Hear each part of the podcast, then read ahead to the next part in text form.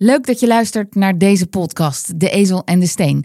En uh, misschien heb je het door, we zijn weer terug met een nieuwe titel. Drie afleveringen staan er nu op je te wachten en vanaf 8 januari zijn we exclusief te beluisteren bij Podimo. Dit is de tafel van onze podcast, De Ezel en de Steen. In die podcast trekken wij historische parallellen.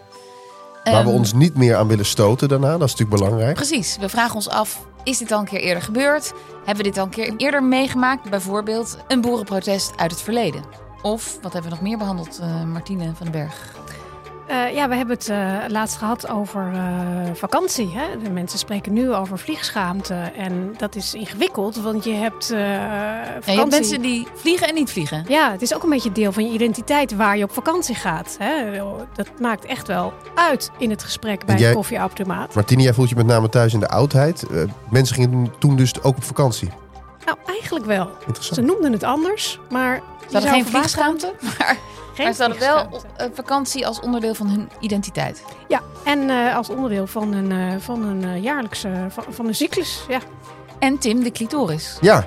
ja, iets waar ik natuurlijk elke weekend wel mee te maken heb. Ehm, interessant, ik werkte op middelbare school. En eigenlijk pas heel recent is die... Of haar, hij, het, wie, waar, wat, wanneer. Welk, wat je het, wat je het ook, hoe je het ook noemt. Is die weer terug in, eh, in, de, in, de, in, de, in de boeken. Ja, ja, ja. Hij is natuurlijk heel lang weg geweest. Of nou, letterlijk klein gehouden.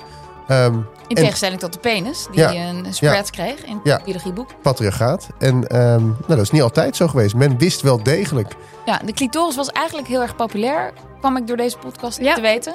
En toen is hij later weer eh, verdwenen Ja. uit de boeken. Het feit dat we, dat we pas nu weten hoe de clitoris eruit ziet, dat is niet omdat de mensen in het verleden dom waren, maar dat is vooral omdat mensen in de 19e eeuw hebben besloten dat we het niet mochten weten. Nou, en over dit soort onderwerpen maken wij De Ezel en de Steen.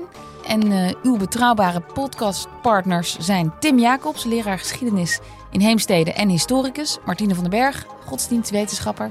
Veel lezer noemen wij haar ook graag. En ik ben Lisbeth Staats, journalist en presentator.